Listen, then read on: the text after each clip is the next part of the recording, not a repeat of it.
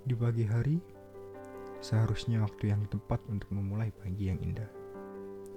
Ternyata aku salah. Melainkan pagi kali ini adalah pagi yang harus menerima kenyataan yang begitu pahit. Dikala kita selalu diremehkan oleh orang sekitar kita, dikala kita selalu tidak dianggap penting oleh orang sekitar kita, ketika kita tidak dianggap layak untuk berada di sini. Bagaimana tidak menjadi pagi yang indah? Ketika harus menerima kenyataan yang tidak mengenakan. Ketika aku sendiri mendengar dari mulut orang yang dekat dengan kita. Seketika langsung melunturkan semangat kita untuk mencapai sesuatu yang kita bidik. Kamu yang berada di fase ini, kamu orang yang hebat.